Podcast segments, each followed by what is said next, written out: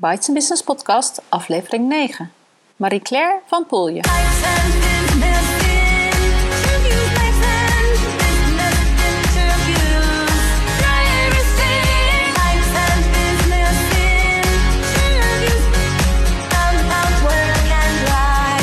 Welkom bij de Bites Business Podcast. Mijn naam is Marijke Krabbenbos en ik ben de bedenker en oprichter van Bites Business. Het netwerk voor ondernemende vrouwen met vestigingen in 20 steden in Nederland. Ga naar de site voor meer informatie. www.bytesenbusiness.nl In deze podcast interview ik elke week een lid van Bites Business. Dit is altijd een ondernemende vrouw in loondienst of zelfstandig werkzaam. Ik interview haar over haar werk en over hoe ze in het leven staat. In aflevering 9 het interview met Marie-Claire van Poelje, lid van Bites Business Utrecht en sales professional. Vandaag bij mij in de podcast Marie-Claire van Poelje. Um, Marie-Claire is al een paar jaar lid van Bites Business. En ik uh, weet dat ze iets doet met het vinden van klanten voor anderen. Maar Marie-Claire, vertel zelf even uh, wat je precies doet. Allereerst goedemorgen Marijke, leuk om uh, dit interview met jou te hebben. Ja, ik doe zelf zeg maar sales, acquisitie, account management en business development. En een paar jaar geleden heb ik mijn eigen zaak opgericht. Dat is Driven Sales and Support. En daar doe ik koude acquisitie. Koude telefonische acquisitie. Ik bedoel hiermee dat ik voor mijn klanten meeste ondernemers of MKB'ers klanten zoekt via de telefonische acquisitie om uit te vinden of zij behoefte hebben aan mijn klantens dienst of product. Dus jij belt? Ik bel, ja. Ja. En uh, je zei, ik doe sales, acquisitie, business development en account management. Doe je dat alle vier nog? Ja. Uh, zijdelings wel, om mijn eigen zaak natuurlijk uh, te, in, te blijven ontwikkelen. Maar voor mijn klanten, en daar, dat is mijn hoofdbusiness, doe ik echt alleen maar koude acquisitie. Dus bellen om afspraken te maken ja. met hun potentiële opdrachtgevers, waardoor zij opdrachten gaan krijgen. Ja. Nu vinden heel veel mensen dat volgens mij heel onaangenaam of moeilijk of eng. Um, hoe komt het dat jij dat wel zo leuk vindt? Eigenlijk, hoe is het zo gekomen? Nou, dat is een heel lang verhaal, maar ik zou het niet te lang maken. Als kind en nog steeds vind ik André van Duin leuk. Dus wat ik vroeger deed, ging ik altijd rond zes uur, dus etenstijd, de beste tijd, ging ik alle van Duins bellen. Nou, dat zijn er heel wat, maar die werden allemaal boos, behalve André. Dus die kreeg ik namelijk nooit aan de telefoon.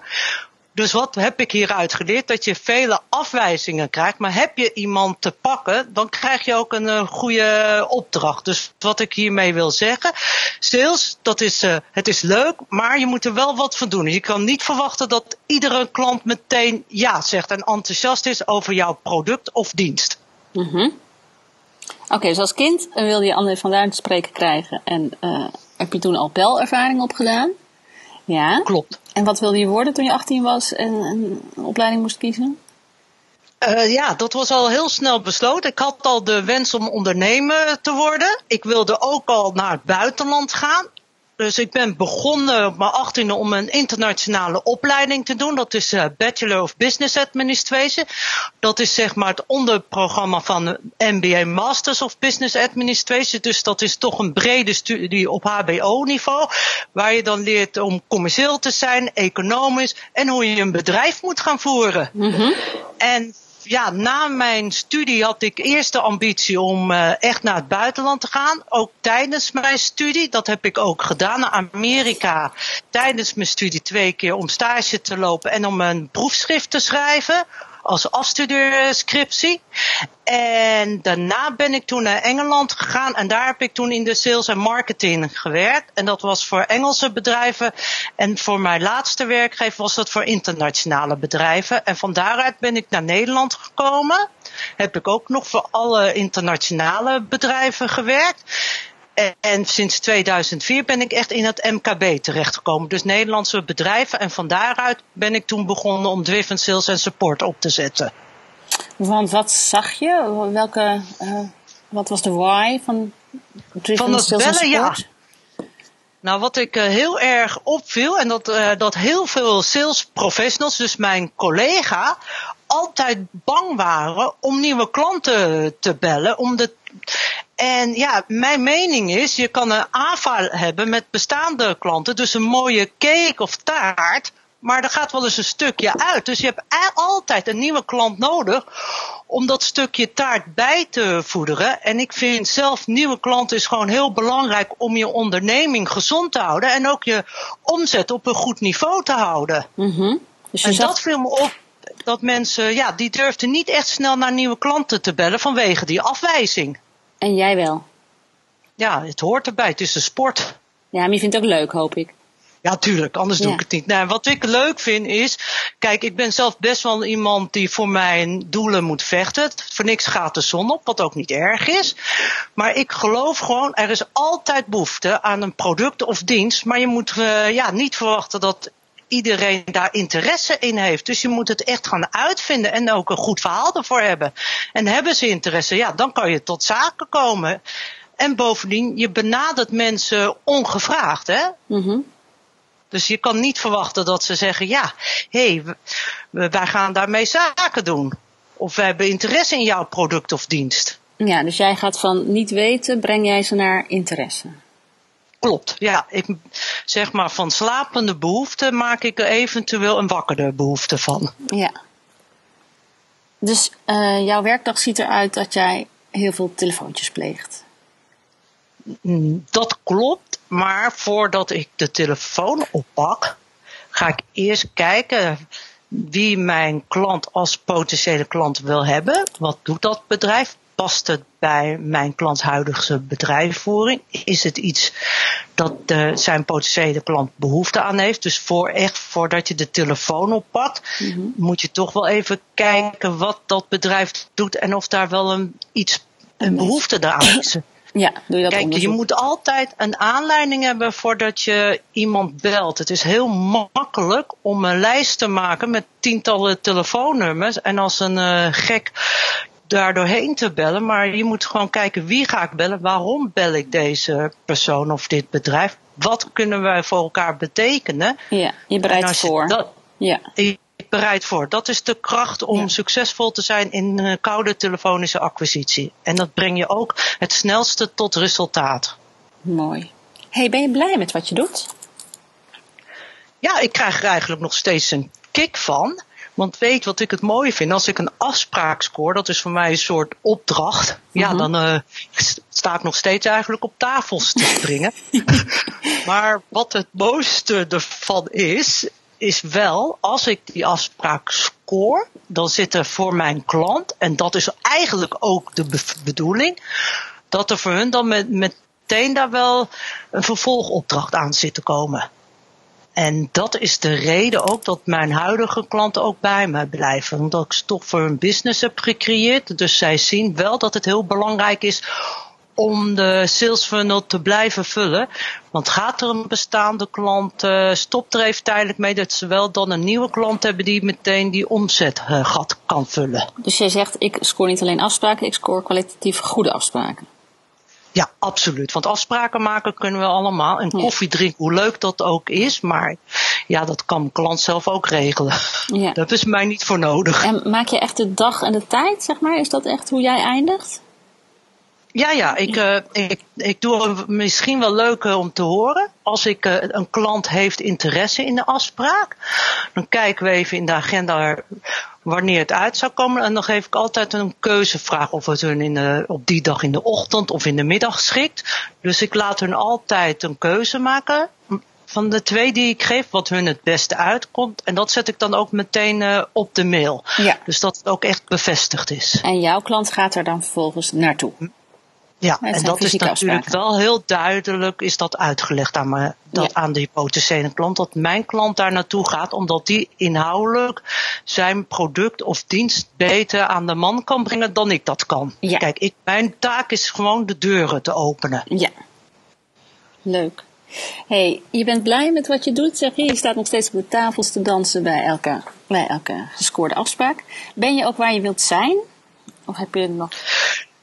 Ja, ik heb wel ambities, dus ik zeg eigenlijk nog niet. Nee. maar dat is ook het mooiste van het zakenleven. Je moet altijd doelen hebben. Ik moet er wel bij zeggen dat ik wel heel gelukkig ben met mijn uh, huidige klantenportfolio. En met de meeste heb ik al een langere samenwerking. Maar ik heb wat meer uitdagingen. En dat blijft wel op koude telefonische acquisitie. Zoals je gehoord hebt, zijn er toch vele professionals die moeite hebben om nieuwe klanten te bellen. Dus ik ben bezig om een dienst te ontwikkelen waardoor ik hun kan helpen dat zij toch de telefoon durven op te pakken.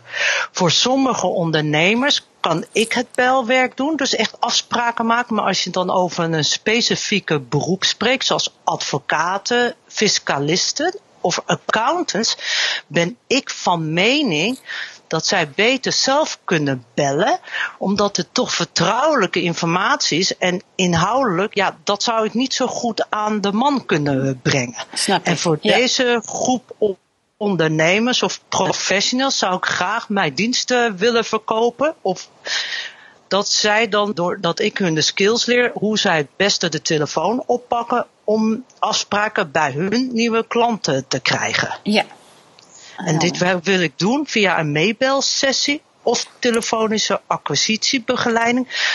En deze informatie is ook vindbaar op mijn website. Oké, dus dat is een soort nieuwe, nieuwe vorm waar je aan het werken bent. Ja, om mensen te leren. Absoluut. Ja, absoluut. Um, en vind je dat je voldoende verdient en heb je je pensioen geregeld? Ja, nou, ik, voor het werk wat ik nu doe, ben ik blij met mijn beloning. Mm Kijk, het is, ik heb al aangegeven dat ik altijd meer wil, maar dat hoort bij sales en bij het ondernemer zijn. Dus ik uh, wil mijn verdienmodel wil ik uh, toch wat uh, omhoog krikken. Vandaar die nieuwe diensten die ik net heb genoemd. Dus word jij betaald op, op succes of op uurbasis? Ik word betaald op uur en op projectbasis, dus niet op successen. Dus ik geloof niet in no cure, no pay en ook geen commissie. En de reden ik, waarom ik dit niet geloof, omdat je het toch goed moet voorbereiden. Kijk, ik vertegenwoordig een bedrijf van mijn klant. Dus ik ben de rechterarm en hun linkerarm. Dus ik hoor gewoon heel goed over te komen. Dus dit vergt voorbereiding en goed werk om te zorgen dat de boodschap van mijn klant bij hun potentiële klant goed overkomt. Mm ja. En terug op mijn pensioen, want uh, dat hoorde ik. Nou, uh, ik heb mijn pensioen tot nu toe aardig goed geregeld via werkgevers. En doordat ik zelf in het buitenland heb gewoond, heb ik ook even een spaarpotje gebouwd. En ja, de pensioenleeftijd is nu 67 geworden. Dus tot mijn 65 heb ik ook lijfrente. Mm Dus ja, ik moet nu even kijken hoe ik de, de twee jaar voor 67 nog keurig moet uh, gaan opvullen. En eind van deze maand heb ik daar ook een afspraak over met mijn pensioenadviseur. Nou, wat Want goed, ik, zulke, zulke, zaken moet je altijd toch goed uh, doornemen. Ja, nou, dat zullen niet heel veel mensen uh, jou nadoen. Volgens mij hebben toch heel veel mensen hun pensioen niet goed geregeld. Ja, ik heb me daar nooit echt in verdiept, maar ik heb ook besloten, Marijke. Kijk, dat bellen, dat kan ik mijn hele leven blijven doen. Dus ik kan eigenlijk nog wel tot mijn tachtigste doorgaan. En het voordeel is, omdat het toch uh, achter een draadje is, de telefoon, denk ik dat leeftijd ook niet meer zoveel uitmaakt. En als mensen het nog steeds iets leuk vinden om te bellen, kan ik dit nog wel een tijdje voortzetten. Dus dat is ook deels voor mijn pensioeninkomen. Dus ik wil nog wel heel wat jaartjes doorgaan. Je hebt een levensloopbestendig beroep. Ja. Ja. Ja. Dus dat was ook de reden toen ik mijn onderneming begon, dat het ook uh, ja, veel jaren levensonderhoud zou hebben. Ja. Dus, uh, dus dat is eigenlijk het verhaal. Leuk. Um, hey, we gaan even over uh, de andere uren van jouw uh, dagen uh, praten, oftewel alles buiten het werk. Welke andere rollen speel jij in het leven naast ondernemer en hoe verdeel jij je tijd? Oké, okay, nou dat is zeg maar, ja, ik heb leuke rollen in het leven. Echtgenote van Joost, daarnaast dochter, schoonste, zus, vriendin en een gezellige buurvrouw. dus veel van mijn vrije tijd breng ik dan door met, met deze, met vrienden, familie en natuurlijk mijn man. En wat ik ook doe is heel belangrijk me-time. Dus daar maak ik ook tijd voor, dat ik op tot rust kom. Mm En daarnaast is, uh, wat vind ik, ja, gezondheid heel belangrijk. En daar werk ik ook aan door regelmatig te bewegen, zoals sporten. En ik heb daar ook een uitdaging gevonden om een betere balans tussen mijn hoofd en lichaam te vinden. En daarnaast bestaat mijn leven om mij constant te blijven ontwikkelen. Want de tijd gaat zo snel. En als 50-plusser vind ik het leuk om op de snelste trein te blijven zitten. um, die balans. Je zei, ik ben bezig om een betere balans te vinden. Hij was te veel hoofd, neem ik aan? Ja, bij mij is het heel veel hoofd. Ja. En ja, dat is eigenlijk zo ontstaan. En door te ademen leer je toch meer ook naar je lichaam eh, te luisteren. En wat dus daar ben ik mee bezig. Nou, dat je goed ademhaalt. Ik heb zelf uh, in het verleden omgedraaid geademd. En mijn adem zat vrij hoog, waardoor ik toch wel snel uh, uitgeteld was. En door nu meer door mijn buik te ademen, word je er ook rustiger van. En je gaat ook meer je lichaam voelen. Mm -hmm. Daar heb je een cursus voor gevolgd of een boek over gelezen? Of een... Hoe heb je dat geleerd? Nee, ik heb daar geen cursus om gevolgd. Um, ik heb daar zelf, ik merkte toen met sporten dat ik snel moe was. En toen heb ik dat eens laten testen. Toen zei uh, zo uh, conditietrainer, of iemand die je conditie traint, die zei toen, weet je wat, je zou eens naar een ademhalingscoach moeten gaan. Dus ik denk, nou, dat vind ik een mooi geschenk uit de hemel. Dat ga ik dan ook doen. En daar ben ik dus mee begonnen. Dat is dus ook een beroep, ademhalingscoach. Voor mij wel. Want ik heb hieruit geleerd dat niet iedereen goed ademhaalt. Dat we allemaal toch te hoog zitten. Maar goed, eh, ik weet zelf dat dit voor mij een uitdaging is. Dus ik kijk nu ook wel meer naar mezelf dan naar een ander. Ja. En ik weet gewoon ja. van mij dat er gewoon heel veel winst uit te halen is. Heel goed. Waardoor ik mijn beroep nog, uh, het bellen nog heel lang kan doen. Ja. hey, en hoe sta je in het leven? Als ik aan jouw buurvrouw of vriendinnen vraag, uh, beschrijf Marie-Claire is. Wat is dan typisch Marie-Claire? Ja, ik stel zelf positief. En dat hoor je denk ik ook van mijn buren en vriendinnen, energievol. Maar ik weet ook uit het leven dat het veel verrassingen geeft. Waarvoor ik best wel open kom te staan. En ja, door open te staan zie ik ook heel veel mooie levenskansen dat naar je toe komt. Dus echt cadeautjes. Daar ben ik heel dankbaar voor. Ik ben ervan bewust. Ik heb het ook meegemaakt. Maar dat hoort bij het leven. Dat het leven ook een zwarte kant heeft. Maar die kan je altijd inkleuren. Kortom, de hobbels die er zijn, ja, accepteer ik. Ga ermee aan de slag. En ik maak er het beste van om hieruit mijn levensles te leren en ermee om te gaan. Dus dit is zeg maar hoe ik zelf in het leven sta. En je hebt hier ook gehoord hoe mensen over mij denken. Mm En dat is dan naar mijn beleving. Positief en dan uh, energievol. Mm -hmm. En dit heb ik ook als complimenten gekregen. Maar verder, ja, wat ik net heb gezegd, vind ik zelf heel belangrijk in het leven. Ja, klinkt als wijze woorden. Was je altijd zo wijs of heeft het de, eh, de loop der jaren uh, dat gebracht? Um, om eerlijk te zijn, heb ik altijd als kind al vaak gehoord dat ik wel heel wijs was. Oh ja. Ik heb het zelf niet echt bij stilgestaan, maar ja, ik probeer wel heel verstandig en, uh, te leven. En uh, gewoon uh, ja, met de dag om te gaan wat ook op mijn pad komt. Ja. En beseffen dat, ja, dat het leven allerlei dingen brengt en kansen pakken. En, maar ook omgaan met tegenslagen. Dat heb je ook al vroeg Absoluut, ja. geleerd. Ja, ja. Je hebt wind in de zeilen, maar je hebt ook wel eens tegenwind. Zo zie ik het eigenlijk. En ja, tegenwind heb ik ook een paar keer goed meegemaakt. Meer in mijn jonge jaren dan in mijn huidige leven. Dus vandaar dat ik nu ook best heel dankbaar ben. En ja, en ik heb ook geleerd hoe ga je ermee om. Want ja, ik geloof zelf niet om slachtoffer te spelen. Mm Je bent toch zelf verantwoordelijk. Vooral vind ik als je de 40 bent gepasseerd. Heb je al best wel levenservaring. En dat is naar mijn mening ben je dan ook best verantwoordelijk voor jezelf. Ja. In het leven. Maar dat, dat is hoe ik het zie hoor.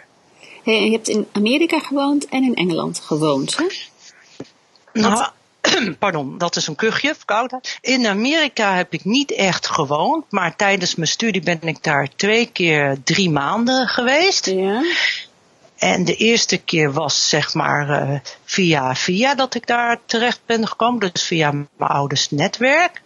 En daar heb ik toen ja, heel erg geleerd om op jezelf te zijn en zelf het initiatief te nemen. En wat ik ook wel heel mooi vond van Amerika, het is, ja, het is een groot land. Het heeft, de ene kant geeft het heel veel vrijheden. Maar je hebt ook waar je, je, moet ook wel oppassen dat, het, dat je niet te vrij gaat voelen. Want ze hebben daar toch tussen de lijnen ook hun eigen regels. En dat vind ik wel het mooie van Amerika. Maar het geeft wel veel ruimte en als ieder persoon kan daar wel iets opbouwen. Dus ja, ik vind het een heel fascinerend land. En de tweede keer dat ik ben geweest, heb ik in de bibliotheek gewerkt. Ik heb daar toen ook een dag een MBA gevolgd, want ik zat toch te twijfelen, ga ik dit wel of niet doen? En dat vond ik toen al heel interessant om dat ook in Amerika te mogen meemaken. Want MBA, Masters of Business Administration, is toch wel een hele Amerikaanse studie mhm. in het businessleven. En je hebt gewerkt dus toen dus? Je hebt toen een baas gehad en zo, en collega's en Amerikaanse Ik heb een baas en collega's, maar je moet het wel zien als een exchange student oh, en als stagiaire. Ja, dus ik had wel een tweede, ik had dus wel vergunningen dat ik er mocht zijn, maar ik had geen green card. En het idee was om na mijn studie naar Amerika te gaan, maar ik wilde legaal. Ja, dat was toen een green card. Maar ja, ik had geen zin om te trouwen. Daar vond ik mezelf te jong voor. En ik had ook niemand op het oog. Toen dacht ik, ja, als ik de grote plas niet kan oversteken, dan maar de kleine plas. En zo ben ik naar Londen gekomen, dus Engeland. Kom je nog steeds graag in Amerika?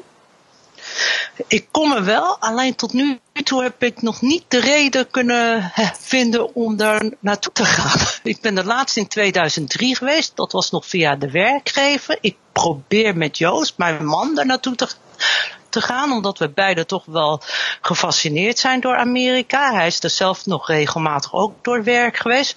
Maar tot nu toe hebben we nog niet echt de planning gemaakt. Dus het gaat eens gebeuren, maar het staat nog niet echt op de topprioriteitslijstje. Maar dat gaat komen. En dan ook nog even in het kort, wat heeft Engeland jou gebracht? Ja, wat Engeland, daar, daar, heb ik iets heel moois uit geleerd. Kijk, wij Nederlanders zijn best direct. Nou, de Engelsen niet, die zijn heel diplomatiek.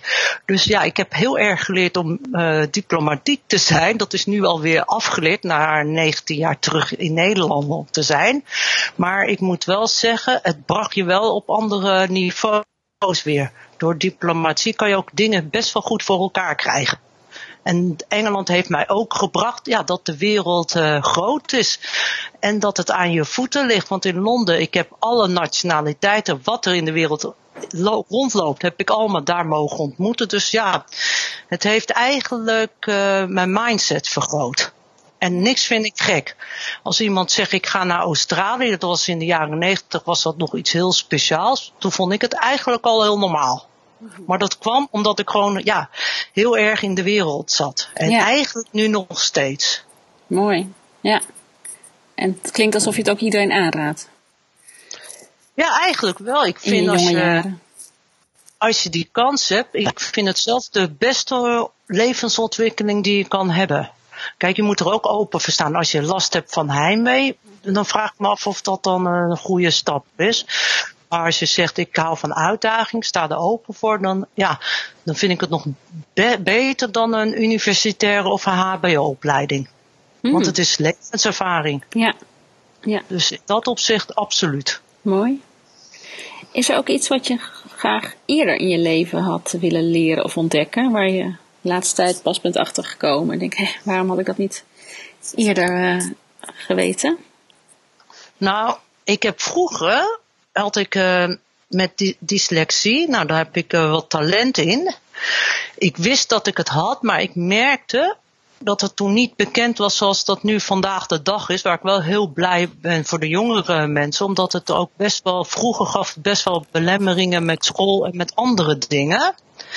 Dus voor mij heb ik eruit geleerd ja, dat er toch hele mooie wegen zijn om daarmee om te gaan. En ik kan dat heel uitvoerig uitleggen. En een van die dingen is dat ik uh, in Engeland toen, omdat ja, het dyslexie in andere taal met schrijven, ja, dan kwam ik mezelf flink tegen. Mm Dus ik heb toen een oplossing voor mezelf gevonden om tijdens lunchen. In Engeland heb je altijd een lunchuur. Dan ging ik altijd in de correspondentiemap van onze directie kijken. Daar had ik ook toestemming voor gevraagd. Ging ik al hun brieven lezen. Ik ging daarvan standaardzinnen maken, zodat ik zelf kon schrijven. En ja, daar werd ik toch wel aardig goed in, waardoor ik de kans kreeg bij deze werkgever, toen mijn eerste werkgever in Londen, om daar ook zeg maar vertrouwelijk onderzoekrapporten te schrijven op het gebied van marketing, klantenrapporten en nu ook wel eens bij andere werkgevers op meetings om daar goede meetingsverslagen te maken. Omdat ik zelf als persoon wel heel structureel ben en doordat ik het structureel kan neerzetten, werd ik wel erkend op mijn teksten schrijven. Mm Maar jouw truc was dus um, uh, kopiëren, zeg maar. Uh, goede zinnen van anderen je eigen maken. eigenlijk wel, ja. Het is eigenlijk uh, een beetje pikken en daar slim mee omgaan. Ja. En met toestemming. Ja, nee, heel slim, ja. En soms maakte ik het ook mijn eigen zinnen ervan, omdat ik daar zoveel had geleerd dat ik heel veel puzzelstukjes zelf kon doen.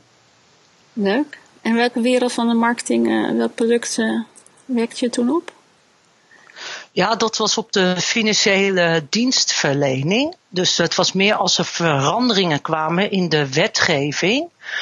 Daar hielp ik, ging ik dan onderzoeken wat de voor- of nadelen waren ervan.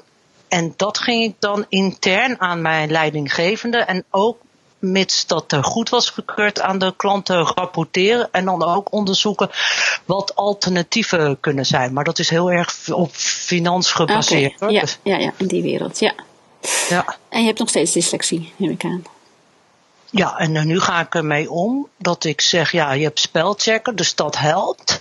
En ook nu, ik schrijf zelf nieuwsbrieven en die laat ik altijd heel erg nakijken door iemand. Dus zeg maar, de structuur kan ik opbouwen, maar iemand moet wel altijd checken of ik uh, geen mooie woorden verzin die, die niet bestaan. Want daar ben ik ook een beetje stress in. dus zeg maar, al mijn teksten worden nagekeken. Dat is ook voor Twitter Sales een van de kostenposten die ik uh, zeer uh, in de gaten hou. Want ja, ik vind uh, foute tekst, het kan gebeuren, maar liever niet. Dus daar, dat is iets waar ik heel erg investeer. En ook voor mijzelf. Snap ik. Want ik kan best schrijven, ik kan best iets goeds op papier zetten, maar er moet een strenge rode pen erin. Ja, ja, ja. Um, hey, hoe voed jij jezelf? Waar haal jij je inspiratie vandaan? Ga je naar congressen, lees je boeken? Um... Nou, wat jij zegt, ik ga absoluut naar zakelijke bijeenkomsten, dus congressen, workshops om mezelf te ontwikkelen. Mm -hmm. Inderdaad, ik lees, ik lees uh, businessboeken, doe ik. Ik uh, luister ook sinds nu naar podcasts, naar interviews. Ik kijk soms naar businessfilms.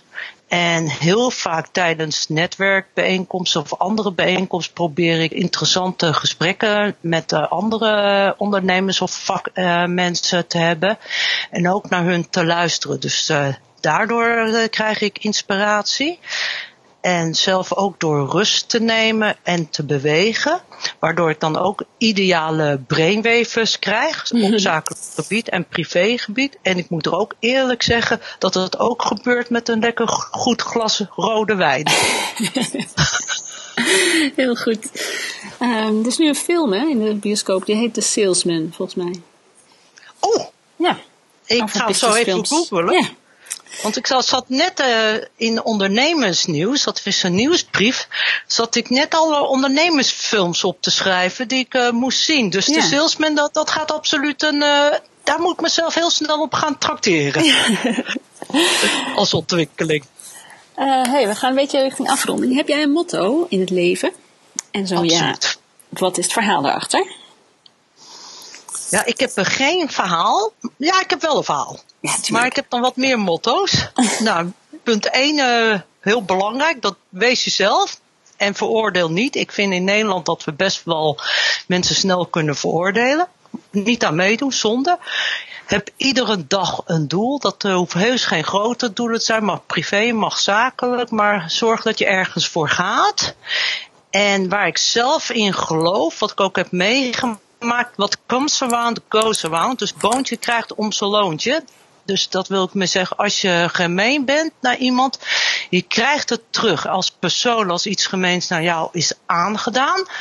Dan hoop je, dat had ik zelf in die tijd, dat die persoon die naar mij heel lelijk was geweest, dat die snel gestraft werd. Nou, dat gebeurt niet in het leven. Als jij het loslaat en een paar jaar verder krijg je dan te horen dat die persoon toch gestraft is. Dus mijn levensmotto is, wees niet gemeen, want je wordt, er, je, wordt erop gestraft. En ja, dat is iets wat ik niet wil. Mooi. Ja. Uh, maar help elke dag een doel, die vind ik wel uh, knap. Heb je, hoe ja, noteer jij hem? Wel heel leuk. Ja. ja, ik had zeg maar op nieuwjaarsdag. Nou, dat, hè, we zijn nu op 4 januari, dus dat is. Uh, ja, ik, toen had ik als doel: ik doe een pyjama-dag. ja, dat zijn de kleine doelen. Nou, dat heb Ja. ik ook gedaan. En ik was ook meteen goed uitgerust. Ja, vandaag heb ik als doel, want dat heb ik nog niet gedaan. Dit zijn dan kleinere doelen. Ja. Om de vakantiedagen en bijvoorbeeld de feestdagen nog in mijn 2017 agenda te schrijven. Oh ja. Ja. Dus ja, nou ja, en daarna heb ik nog wel andere doelen. Maar kijk, zo be- ben ik er wel bewust van. Ja. Leuk. Hey, jij bent lid van uh, Bites Business. Wat is netwerken voor jou? Ja, netwerken. Ik vind netwerken altijd een leuk business uitje. Maar met netwerken, hoe ik dat zie, het is contact eh, leggen en elkaar helpen. Dus je kan komen brengen en halen. Ik zie zelf uit netwerken is eh, als ontwikkeling. Je kan jezelf ermee ontwikkelen. Je kan een ander helpen. Dus dat vind ik van netwerken. Ik zelf eh, geloof ook wel eens via netwerken dat je opdrachten kan krijgen. Maar ik geloof er niet in om dat heel geforceerd te doen, want dat werkt juist averechts. Ik zelf ga nooit naar een netwerkbijeenkomst om te denken, oh, ik ga nu een opdracht eh, creëren. Maar ik merk zo nu en dan dat het toch wel eens uit die hoek komt aanwaaien. Wat ik ook leuk vind van netwerken is dat je een hoge gunfactor moet hebben, maar ook moet geven. Dus ik merk dat dat, ja, dat vind ik zelf van netwerken. En wat ik je zei, ik vind het altijd een leuk business uit. En je komt op plekken waar je zelf niet uh, snel terecht komt. Mm -hmm. En waarom dan Bites Business? Ja, wat ik leuk vind van Bites Business is uh, de enveloppenmethode. Kijk, omdat als ondernemer ben je toch heel vaak op jezelf. En door die enveloppenmethode van Bites Business, je kan voor jezelf een vraag opschrijven. Waardoor je van diverse invalshoeken interessante antwoorden kan krijgen. En het leuk is, je kan daar ook uit leren wat bij andere ondernemende vrouwen en ondernemers uh, speelt door hun vragen te lezen. Dus, Mhm. ik vind dat, dus dat vind ik uh, ja, een topmethode, Marijke. Voor jou, dankjewel dat je dit hebt ingevoerd. Mhm. En het andere, ja, wat we ook al zeiden, als voeding, je hebt toch tijdens het diner, omdat je kan je langdurige en interessante gesprekken voeren met je tafelgenoten, waardoor je dan toch per gerecht afwisselt, dat je naast iemand anders gaat zitten. Dus op zo'n avond leer je ook echt iedereen goed te leren kennen. Mm -hmm, Dus dat vind ik wel, uh, ja, dat vind ik het mooie van Bites Business, waar ik dan al uh, zeven jaar lid van ben. Nou, heel erg goed. Zo is het ook helemaal bedoeld. Dus uh, laten we samen zo doorgaan. Tot slot, waar kunnen mensen Leuk. meer over jou vinden? Ja, als, dan begin ik als eerste natuurlijk mijn bedrijfswebsite. En dat is www.drivensales.nl. Drivensales.nl, ja. ja drivensales.nl. Dan natuurlijk de social media, waaronder Facebook onder mijn eigen naam, dus Marie-Claire van Poelje en onder Driven Sales. LinkedIn dat, onder mijn eigen naam, dus Marie-Claire van Poelje. En Twitter onder Support Sales. En het allerbelangrijkste natuurlijk op een live bijeenkomst van Bites Business. Heel goed. En dan vooral in de regio? Ja, Utrecht. En ik zat eens te kijken, maar dat is nog niet gerealiseerd. Misschien een mooie, nog een mooi nieuwjaars, uh, nieuwjaarsvoornemen voor 2017. Om ook eens in de hoofdstad eens te gaan kijken. Wees welkom, wees welkom. Nou, dan moet ik dat nu met beide handen aanpakken. Hè? Kantjes krijg je meestal cadeau. Dus dankjewel Marijke. dankjewel Marie-Claire voor dit leuke interview. Um, en uh, heel graag uh, tot de volgende keer. Nou, tot de volgende keer. We moeten, ik ga zo wel eens kijken wat er in Amsterdam is. Dan ga ik je daar zien. Oké, okay, dag. Hey, dag Marijke, fijne dag hè? Dit was aflevering 9 van de Bites Business podcast. Ga naar de site om de aantekeningen bij dit interview te vinden.